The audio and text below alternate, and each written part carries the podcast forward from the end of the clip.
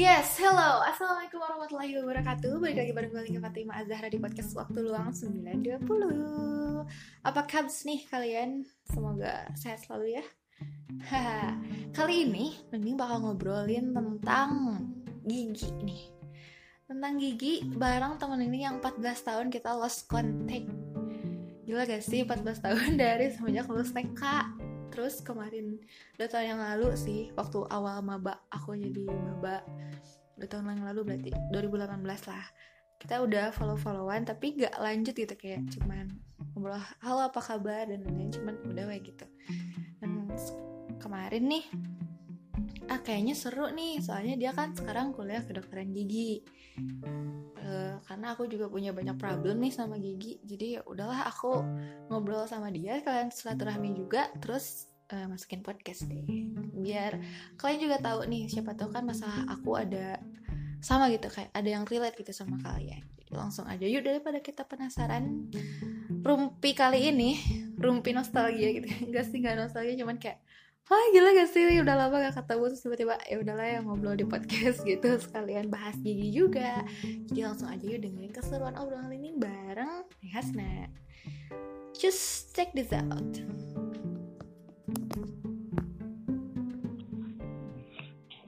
Halo, assalamualaikum warahmatullahi wabarakatuh. Ya, waalaikumsalam Lingga. Gimana sehat di situ? Alhamdulillah baik. Neng gimana Neng kabarnya? Iya, saya alhamdulillah pusing ya. Lumayan lah. Gila ya, 14 tahun gak ketemu. Ah, Iya, ibu karena belum pernah ketemu lagi kan semenjak TK. mm-mm. Iya nggak sih? Iya, gila. Tapi kan padahal Ya, ya TK aku pun, Hah? iya Apa? padahal TK pun juga nggak terlalu deket. Mm-mm. Tapi ya alhamdulillah lah masih satukan lagi gitu sekarang. Iya. Mm-mm. Karena kabar-kabar di sini atuh main makanya. Mm-mm, dari kebanjaran teh atau da gitu gini sekocepat sekocepat. Ah, kah, dodol. ya udah. Eh, Aduh maaf ya kalau misalnya ngomongnya campur, soalnya nggak terlalu bisa baku Indonesia, nggak terlalu bisa lemes Sunda, jadi ya pasti campur. Aku mah orangnya. Gak apa-apa lah ya. Kita mah da random milenial gini. Iya. Ini mau ngobrolin apa ya? Ibu dokter gigi? Aduh ibu dokter, aku belum jadi ibu dokter, aku masih kuliah semester 2 Mm-mm, Nah jadi teman Belum jadi dokter. Neng Hasna ini Baru kuliah tuh masih semester 2 Kedokteran gigi Jadi kita bahas-bahas yang simple-simple aja ya Neng ya Iya iya boleh boleh. Ini Neng Hasna kenapa bisa milih kuliah jurusan kedokteran gigi Gimana ceritanya? Hmm. Ceritain aja ini teh. Sok we, santai Iya, jadi uh, awalnya kan uh, emang niat banget dari dulu pengen jadi dokter, pengen masuk ke dokteran. Mm-mm. Cuman sebenarnya tuh uh, nggak akan kedokteran karena emang pas SMA nilainya tuh jatuh banget. Nggak bisa kalau misalnya kita kayak orang-orang kan kalau orang-orang masuk ke dokteran pada belajar Hmm. banget kan belajar matematika, ah pokoknya IPA-nya, sainteknya tuh pada jago-jago lah. Mm-mm. Sedangkan aku di sini kerjaannya rebahan, kerjaannya main, kerjaannya nonton. Ih, pokoknya sama sekali nggak ada Mm-mm. apa, nggak ada usahanya. Mm-mm. Jadi usahanya cuma di kelas 3 SMA doang. Pas orang lain kan mulai sibuk-sibuk, Mm-mm. mikir juga ya kalau misalnya nggak kayak gitu, Mm-mm. mau kayak gimana ke depannya. Akhirnya Mm-mm. eh, berjuang, berjuang, berjuang. Tapi sempat nggak dapet dulu. Mm-mm. Berarti itu nggak dapet. senam PTN gitu dulu berarti ya? eh, nyobain. Tapi sebelum PTN, aku kan eh, masuk swasta. Mm-mm. emang dari awal tuh emang udah ah udahlah pesimis gitu mau masuk negeri soalnya kan kalau negeri passing grade-nya aduh ya Allah tinggi banget nggak akan mampu nggak akan mampu ngejar ke negerinya jadi Mm-mm. Udah masuk negeri eh udah masuk swasta daftar swasta sebelum SBMPTN dimulai tapi sempat gak keterima sempat gak keterima terus mulai nyerah udahlah nggak apa-apa jurusan lain aja Mm-mm. eh ternyata ada jurusan lain gak keterima juga Mm. eh udah akhirnya nyoba lagi kedokteran lagi eh ternyata dapet di kedokteran gigi Unjani gitu ceritanya Berarti sebelumnya sebelum ke kedokteran option lainnya apa? eh ini apa desain Desain. desain interior Ih, jauh kan aku pengen banget itu. iya terus sekarang coba malah pas coba sekarang masa eh, malah ngerasa salah jurusan ah tapi enggak sih enggak enggak, enggak. Kan sekarang juga desain interior, mulut dan gigi. iya ya makanya itu nyambung estetik jadi nyambung lah antara ke, ke agak ada seninya lah di bisa, bisa. gitu Ngerapihin ya, nambal kan sama-sama kayak nyemen tapi di gigi gitu. Heeh, beda beda penempatan beda tempat Mm, beda sama menarik sih. Nah terus semenjak eh, Neng masuk nih ke dokteran gigi, ada gak sih kayak hal-hal yang oh ternyata di eh, belajar tentang gigi teh kayak gini gitu? Ada gak sih gitu? Kayak kaget gitu maksudnya Hmm, kayak kaget. Oh ternyata eh, saya bakal belajar ini ya ini. Nah, gini ya, awalnya aku masuk ke kedokteran itu ngiranya itu nggak ada hitung-hitungan. Hmm. Tapi ternyata ada hitung-hitungan, menghitung kasus, menghitung menghitung kasus di sebuah wilayah gitu-gitu. Ih, ya Allah nggak suka banget deh, sumpah. Males. Nggak tahu lah, semoga ujiannya lulus lah. Amin. Amin, amin. Bentar lagi ujian ya, belum uas. Mm, ujian, ujian blok. Jadi kan kita di semester ini tuh ada tiga blok, Mm-mm. kayak tiga modul lagi gitu. Mm-mm. Nah, kalau universitas yang aku itu, kita eh, biasanya kan setiap pemaparan blok langsung ujian, setiap pemaparan blok langsung ujian. Tapi semenjak adanya COVID, semua pemaparan tiga blok langsung, ujiannya tuh di akhir.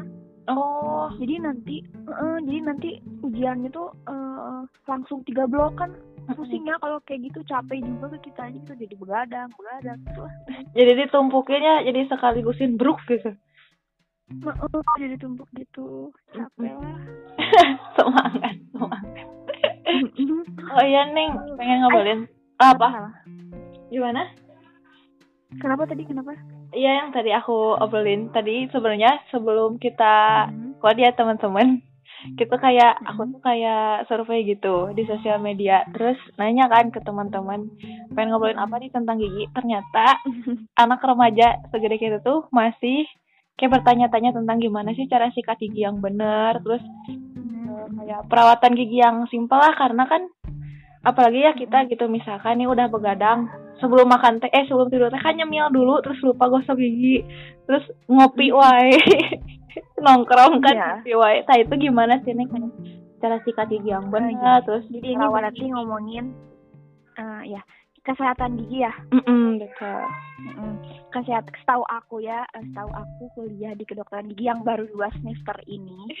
kesehatan gigi itu iya emang kesehatan gigi sangat penting banget. Mm-mm.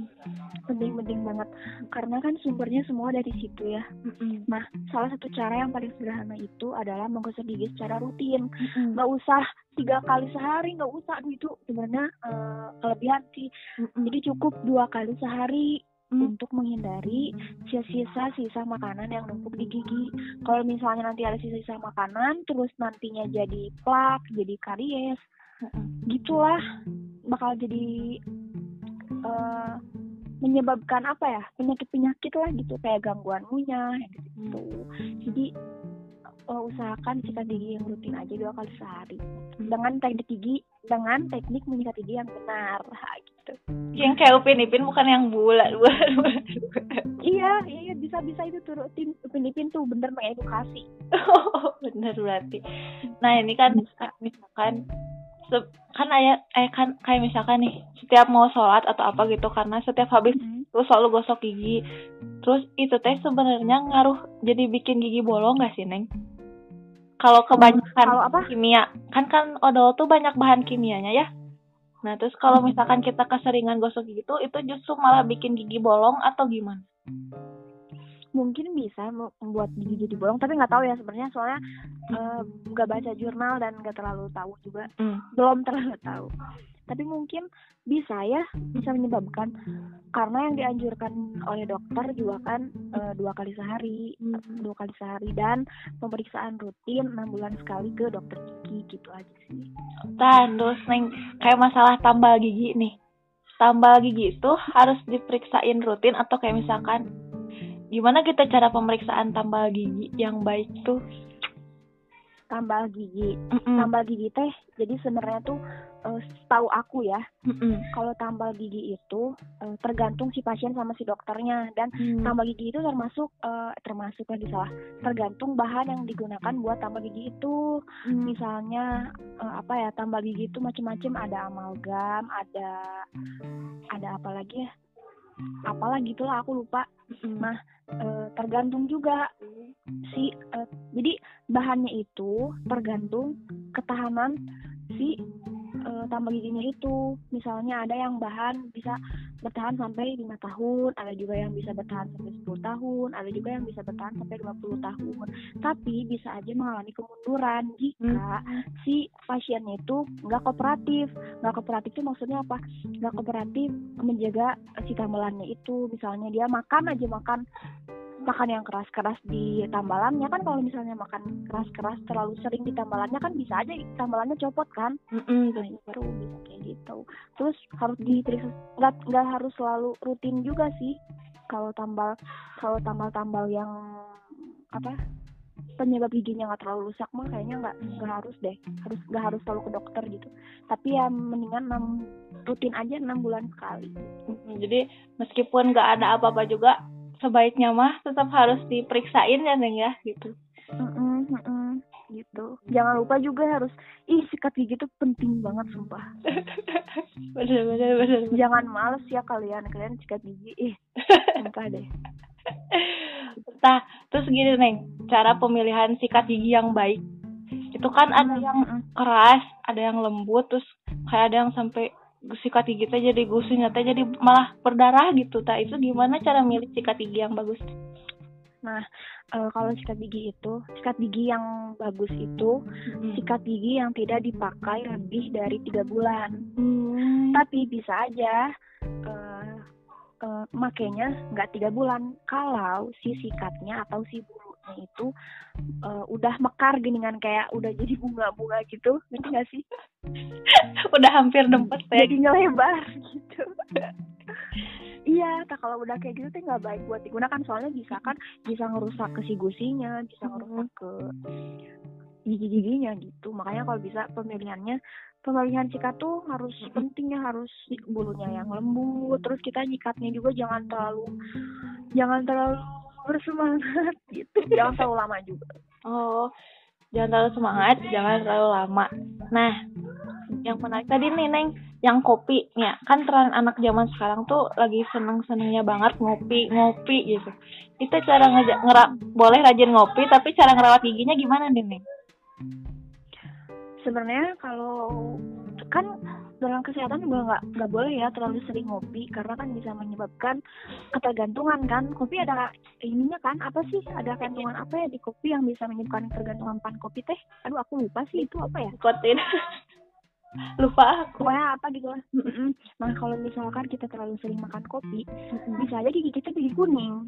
Hmm. apalagi kalau misalnya kita nggak rajin gosok gigi Mm-mm. Ayo, kalau nggak gosok gigi nanti jadi giginya ada plak, terus si plaknya eh, kecampur sama bakteri-bakteri yang ada di mulut, Mm-mm. bisa jadi gigi berlubang.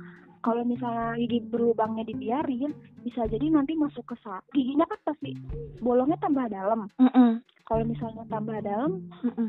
ah ribet lagi perawatannya.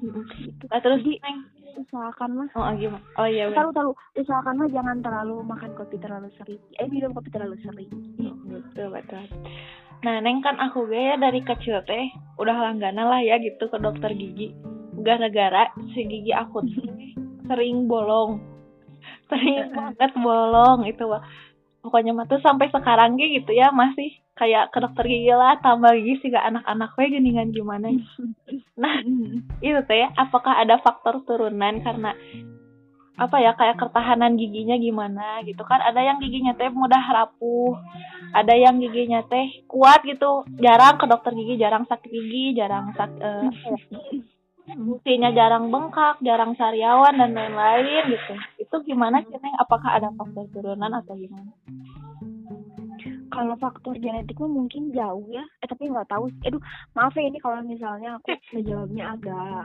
soalnya aku juga ini menurut menurut yang aku baca aja karena kan dosen nggak terlalu terlalu ngejelasin ya ya betul betul jadi mm-mm. jadi ini menurut yang aku baca aja ya Mm-mm. jadi sebenarnya kekuatan gigi mah kayaknya rata-rata sama mungkin ya mungkin tapi nggak tahu tapi kalau misalnya kerusakan gigi atau misalnya orang yang satu ini lebih sering sakit gigi atau dan satu orang yang ini tuh eh, jarang sakit giginya itu bisa jadi faktor makanan Mm. Faktor makanan jadi kalau misalnya kita terlalu sering makan yang manis Mm-mm. jadi bisa jadi eh, apa jadi timbul kerusakan gigi itu bisa jadi karena kita makan makanan yang manis itu. Hmm. karena di makanan manis itu mengandung apa dan mengandung apa gitu dan ke giginya itu menyebabkan eh bolong gigi gitu. Mm. bisa jadi nantinya bisa sakit bisa bengkak gusi bisa giginya bolong bisa jadi karies juga. Itulah aneh-aneh. Gitu. Berarti kalau misalkan nih makanan panas sama dingin itu seberapa ngaruh? kalau panas dingin mungkin bisa ya Mm-mm. mungkin giginya kaget kali Ya. tapi oh iya yang ngilu itu ya Mm-mm, kayak Mm-mm. gigi sensitif gini kan kayak misal pas makan dingin teh aduh ngilu terus makan panas ngilu kan makan panas emang ngilu gitu ada meureunan yang panas tapi panas mah biasa anak panas ngilu. Ada juga dingin kali yang ngilu. Ah enggak gimana sih? Aduh aku mas masih host ini nih aba-aba nah. Kayaknya kayaknya eh, ya gitu. Lah nah ini neng pertanyaan lagi. Tentang gigi gigi rapih sama gigi karehol atau gingsul. Nah itu genetik atau gimana? Terus kalau misalkan apa ya?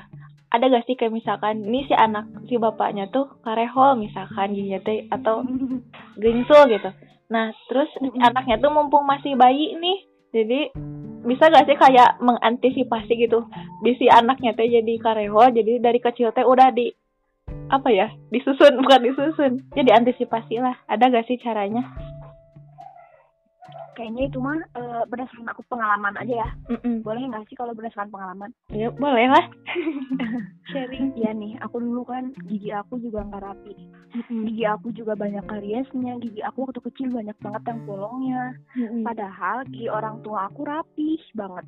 Mm. gigi ayah rapi gigi ibu rapi tapi akunya malah eh jelek lah giginya dulu mah sampai ada yang hitam-hitam gitu Mm. sampai Oke. bolong tapi Mm-mm.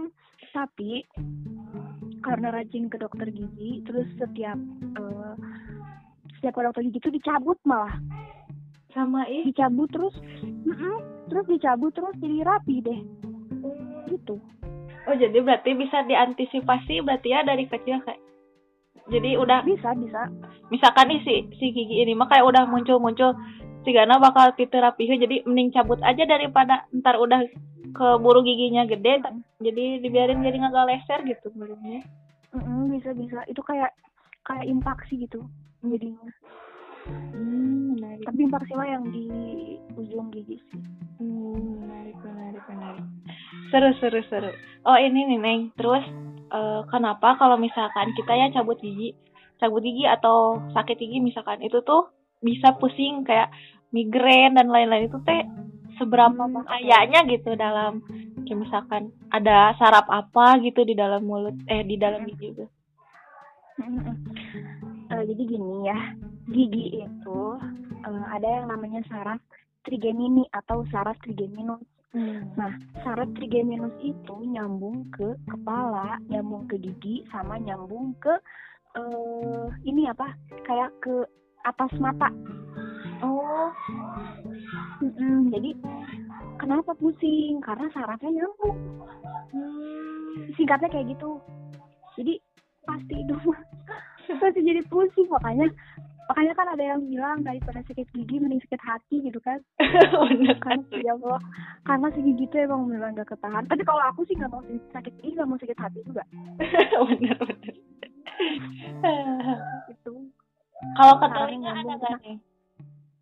Kenapa? Kalau ke telinga ada saraf yang nyambung ke telinga nggak saraf yang nyambung ke telinga? Misalkan jadi kayak aku mah gitu kayak sok kadang rada ngejelengik atau gimana gitu kalau lagi pus lagi sakit gigi teh pusing ke kepala pusing ya gitulah barete tah. pasti. Pasti pusing kepala pasti soalnya kan saraf itu nama sarafnya saraf trigemini aku baru belajar kemarin saraf trigeminus mantap langsung diaplikasikan ya di sini. Gitu Ah, iya. Pokoknya tuh eh, ini kalau ngeliat bisa ngeliat sarafnya coba aja sama Lingga cobain tangannya membentuk tiga. Angka tiga. Mm-mm. terus tempelin ke pipi nah itu sarafnya ada di situ. Oh. Yang kalau misalkan nih kalau yang putih mah suka kelihatan geningan apa urat-urat gitu itu? Urat-uratnya gitu. Oh. Iya iya. Oh ya Neng, tips nih Neng, kalau misalkan ya cara mengatasi sakit gigi nih, kan jadi ke psikologisnya teh barete gini gak mau berisik dan lain-lain. Terus biar kita tenang terus juga eh, apa ya antisipasi sakit gigi. Biar sebelum ke dokter misalkan nih kan ada yang bilang nih Neng kayak kumur-kumur pakai air garam eh air garam air anget terus dipakein garam dikumur-kumur pakai itu tah ada mungkin tips dari Neng kalau sakit gigi sih menurut aku Mm-mm. eh, sakit gigi kan pasti ada penyebabnya ya Mm-mm. penyebabnya kan rata-rata dari sisa-sisa makanan Mm-mm. yang menempel di gigi yang jadi plak. Nah, si plak itulah yang menyebabkan kerusakan gigi. Mm-mm. Nah, makanya kenapa dokter dan eh, tenaga medis lagi itu menyarankan kita buat selalu gosok gigi secara rutin dan si eh, kalau bisa tuh eh, dianjurkan kan dua kali sehari ya? Mm-mm. gosok gigi teh jangan apa jangan sampai dibuat inilah dibuat apa kayak habit gitu loh. Ngerti nggak sih? Iya iya iya, dibiasa dari anak. kayak dibiasain harus dibiasain gitu. Tapi kalau tapi itu kalau yang bawang putih mah nggak tahu ya? Iya itu yang bawang putih. itu tuh gimana sih? Oh ngakak banget itu bawang putih gimana? Di maksudnya tuh dimasukin ke gigi. Gak tahu jadi teman aku deh ya teman-teman tadi ada yang nanya bisa gak sih ngobatin gigi itu? Eh ngobatin sakit gigi itu pakai bawang putih? Aku ge aku ge hah? Emang bisa? Terus kata dia teh gak tahu udah ini mah kata nenek aku cina. Aku baru dengar itu bawang putihnya dikemanain dulu? Di dikemurutin kayaknya mah di dikemurutin bener dikunyah di terus di apa gering neng kayak apa sih nyepah gitu apa sih namanya teh iya oh eh. di mungkin eh tapi tapi baru dengar sih sumpah Hmm. Kalau Eh, buat banget itu denger kalau buat jerawat mah bisa ya nih kalau kayak misalkan buat ngilangin ngobatin luka gitu. Bawang putih teh aslinya mah bisa. Ah tapi jangan deh jangan pakai rempah-rempah kan soalnya kalau rempah-rempah kan kita nggak tahu Hmm. ada kandungan misalnya si rempah-rempahnya udah lama atau kayak gimana kan bahan kimia nggak tahu mendingan pakai yang pasti-pasti aja lah mendingan ke dokter aja nggak usah pakai bawang-bawang segala bener bener bener bener. Mending ke dokter aja. Neng, usia usia kayak misalkan nih eh, gigi teh udah mulai misalkan nih usia berapa si gigi itu bener-bener lagi kuat-kuatnya sama usia berapa gigi itu udah rawan rapuh gitu. gigi itu udah apa? Misalkan nih gigi usia 30-an tuh gigi tuh lagi bener-bener kuat nih lagi ah makan apa-apa ge. Misalkan yang telas-telas gitu kayak daging sapi teh masih kuat gitu terus makan ngegegel es batu masih kuat. Terus kalau misalkan usia rapuh teh 50 tahunan teh si gigi teh udah mulai rapuh dan lain-lain kembali keropos gitu. Jadi gigi itu kan eh, ada erupsi beberapa fase ya. Erupsi itu maksudnya penumbuh apa kayak tumbuh gigi baru. Mm-mm. Nah, situng gigi baru itu kan gimana tergantung usia ya. Kan kita awalnya gigi susu dulu, habis itu gigi permanen. Habis itu kan kalau udah gigi permanen ya udah gigi itu kalau misalnya udah copot ya copot nggak akan bisa tumbuh gigi lagi kecuali kalau dipasang gigi palsu kan. Nah, eh, gigi permanen itu biasanya dimulai dari eh, remaja sih kalau nggak salah. Remaja sampai mungkin usia tua itu usia eh, 50 ke atas eh 50-an gitu. Hmm. Iya sih kalau kalau kalau nggak salah 50 60 60 60 60 kurang eh 60 ah, di bawah 50 dan di atas eh di aduh gimana sih Mas? 50. di bawah 60 di bawah 60 di atas 50 itu biasanya eh, gigi-gigi mulai tumbang tuh biasanya di situ kalau eh, tergantung sih itu tergantung kita ngerawat giginya gimana apa kita makannya benar enggak perawatannya baik atau enggak apa kita rutin. Tapi kan kalau gigi gigi copot-copot kayak gitu mah bisa aja ya dari kecelakaan juga gitu. Nggak nggak nggak terpatok umur sih kalau gigi mah itu mah gimana kita menjaga kesehatan giginya aja. Cuman tentang waktunya mungkin antara segituan lah si ini teh. Menurut dari penelitian kalian ya itu juga. eh pene eh ma- apa sih gigi nggak muter ini teh otaknya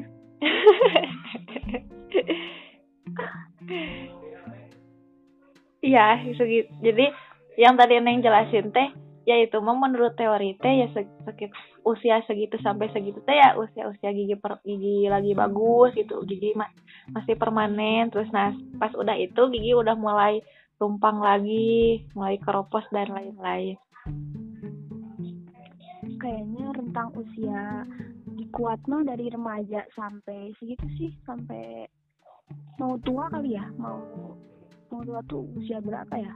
50-an lah. Ya 50 itu 50 50 60 lah. Mm-mm. Kalau cewek mah modelnya usia menoposan lah gitu. oh menopause Mm-mm. oh nggak tahu tuh. Aku belum pernah dengar malah. Nggak akunya nggak tahu akunya yang kurang banyak tentang gigi kali ya? Soalnya kan Mm-mm, soalnya belum terlalu mendalam ke kedokteran gigi. Sekarang lagi masih Itu awal juga ya. Sekarang kan belajar semua dulu. Umum dulu semua. Benar. masih organ-organ yang ada di dalam tubuh. Mm, masih masih kehitung general lah belum. Soalnya masih tingkat satu Mm. oke. Jadi belum menjurus. Mm, ya gitu. Semester baru mau punya adik. Belum mau jadi sekarang mau punya adik tapi online. Iya. Iya sedih banget deh. Masa mereka ospeknya online sih? Nggak adil banget. Aku dulu ospek menipu pisan asli Segana angkatan ning deh anu apa ya ospek rada baru rate bagi ke sini mah da ospek teh udah we harampang lah iya ih males banget deh Gitu. oh iya neng ngobrolin lagi ini pengalaman apa ya berdasarkan dari apa yang aku lihat teh ngelihat Ami ya Neng ya kan Ami teh udah sepuh gitu umurnya teh udah hampir Mm. 10 lah nah kan Ami teh giginya teh udah gak ada semua dan gak pakai gigi. Mm. tapi masih bisa makan kerupuk. Kerupuk keripik teh masih wah iya. Iya kata aku teh. Wow sekuat apa itu gusinya? Tak ya jadi apakah kalau udah menua emas si gusi teh jadi kuat gitu karena giginya gak ada kan ya? Si dan tapi neng kan aneh. Aneh coba makan keripik teh ada teruk tuk teruk tuk padahal kan nggak ada gigi oh iya? Iya. Ih keren banget malah. Wah. Kayaknya mi kayaknya mi eh, keturunan ini deh kerajaan. Kayaknya darahnya darah biru deh itu. Satu. hubungan aduh aku nggak tahu sih.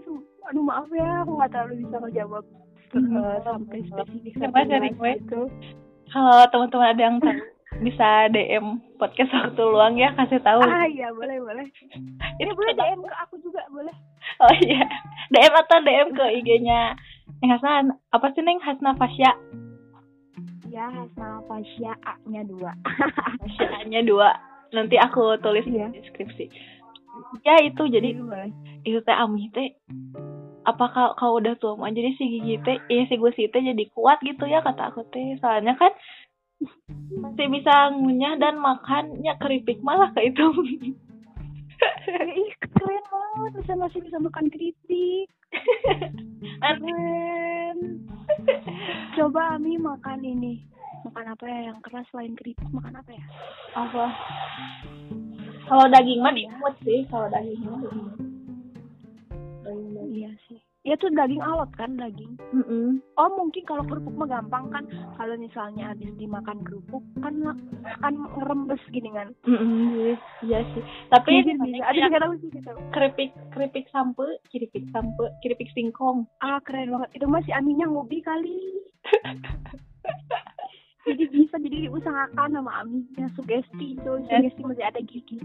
Sugesti masih ada gigi dan ah enak itu manya wae gak dimakan iya bisa bisa. Menarik menarik. Nah oh ya neng ini sih kelewatan. Karena ini pasti penting banget. Milih odol. Milih odol gitu kan ada yang odol teh odol. teh ada pedas geningan. Mm-mm. banget. Terus ada yang kalau odol buat anak-anak makan manis. Terus misalkan teh si odol teh. Kan sekarang mah banyak banyak pisan jenis odol teh. Kayak odol yang charcoal nih. Mengandung charcoal Eh, terus mengandung ya jeruk nipis dan lain-lain lah itu. Kalau misalkan yang bener tuh yang kayak gimana gitu. Odol teh sebenarnya hmm, gini ya tahu aku aku ngeliat dari penelitian-penelitian senior ya. Mm-mm. sebenarnya tuh eh, itu mah rasa pedas, rasa manis atau kayak charcoal atau yang kayak gitu-gitu mah itu mah sensasi aja sebenarnya. Mm. Odol mah semua sama-sama aja, cuman sensasinya yang bikin beda. Hmm, gitu. Kalau yang kayak apa sih Neng Neng? Apa sih yang buat kumur-kumur teh? Listerin? Listerin, eh Listerin, Eh. Listerin mah madu. Iya Listerin. Bisa listerin. Itu bahaya gak kalau dipakai Enggak, enggak. sering? Atau Enggak, cuma itu bisa bisa juga kok. Oh, bisa aja kok itu. Hmm, soalnya eh bisa di- jadi bisa lebih membersihkan gitu kalau pakai yang kayak gitu. Hmm, bisa mutihin. Mutihin lah mungkin.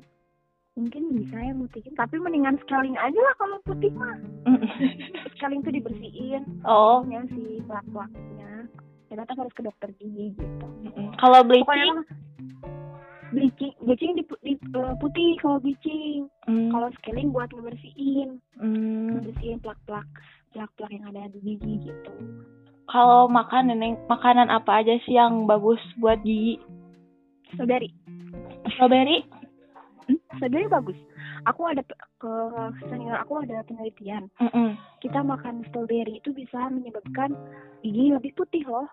Wah, Mhm. baru tahu. Iya, senior kayak gitu dan itu terbukti. Hmm. Eh, terbukti gitu. Ya bagus. Strawberry terus apa ya? Buah kayak apel gitu gitulah. Makan buah-buahan. Selain buah-buahan kayak sayur gitu ada gak? Sayur apa yang bagus buat gigi? Sayur. Pokoknya mah Pokoknya mah mau makan apa pun asal kalian harus gosok gigi aja lah dua kali sehari. Bener. Ingat ya teman-teman gosok gigi dua kali sehari. Iya, jangan jangan kelebihan, terus jangan sekali juga kalian kalau gosok gigi sekali mah malu lah. Iya. pasti bakal pasti bakal ada yang nggak enak. gitu. Iya, aku Aduh. seneng deh ngobrol-ngobrol gini. Iya, iya, alhamdulillah. Ya kita semoga bisa bertemu. Waduh, sono. Iya boleh. Aku kalau ketemu pasti berisik. Gimana ya? Aku kalau ketemu orang tuh mau orang kalau orang yang udah kenal Mm-mm. pasti berisik banget. Tapi kalau orang yang baru kenal pasti dikiranya ih Hasnan malah sombong banget. Padahal aku dalam hati, ih aku tidak sesombong itu kawan. Dia pengen deh bilang gitu. Tapi dah sempis ya. Aku kayak Asya ini gimana ya nge-DM Seneng Hasta padahal 14 tahun kita gak ketemu tapi akan lah ada ngalirnya pirak kue sebanjaran Iya atuh masa atuh udah aku juga. Makanya orang-orang tuh suka pada takut keluar. Ih aku tuh emang aku tuh nyeremin ya.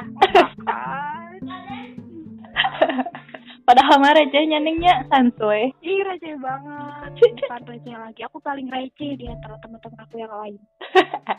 bagus lah bagus dari kamu kuliah kedokteran banyak riut riutnya harus ada recehnya iya. Ih, aku mau nyaranin deh buat kalian jangan pernah masuk kedokteran. terus mungkin menjadi dokter sah Iya. ya ibu sih soalnya aku juga kayak kejebak. Jadi gini ibaratnya, Mm-mm. kalau kalian nggak masuk kedokteran, Mm-mm. kalian nangis cuma hari itu doang. Mm-mm, bener bener bener Tapi kalau kita masuk kedokteran nangisnya setiap hari. Ya Allah. gak apa-apa struggle struggle Iya, salah sih, tapi nggak apa lah. Jadi emang kalau masuk kedokteran tuh harus niat lahir batin, beneran mental semuanya. Ih, bener banget. Bener banget. Soalnya kan apa ya? Nya, kita teh ngoprek teh bukan ngoprek sesuatu yang Mm-mm. apa ya cek-cek lah Nyawa, manusia gitu. Nyawa. Hmm, kalau mana lagi kan si manusianya bisa ngomong ah elah, kalau misalnya kita kalau kita salah tindakan kan dia bisa komplain kita Mm-mm. yang dimarahin gitu Ya, dan mendingan sama dokter hewan. Wah.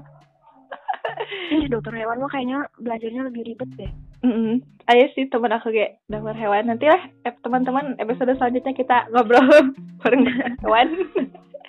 ya, iya tolong tanyain dong ke dokter hewannya kalau mau bikin podcast juga Iya siap siap lah. Ntar Ini, ditunggu ya episodenya.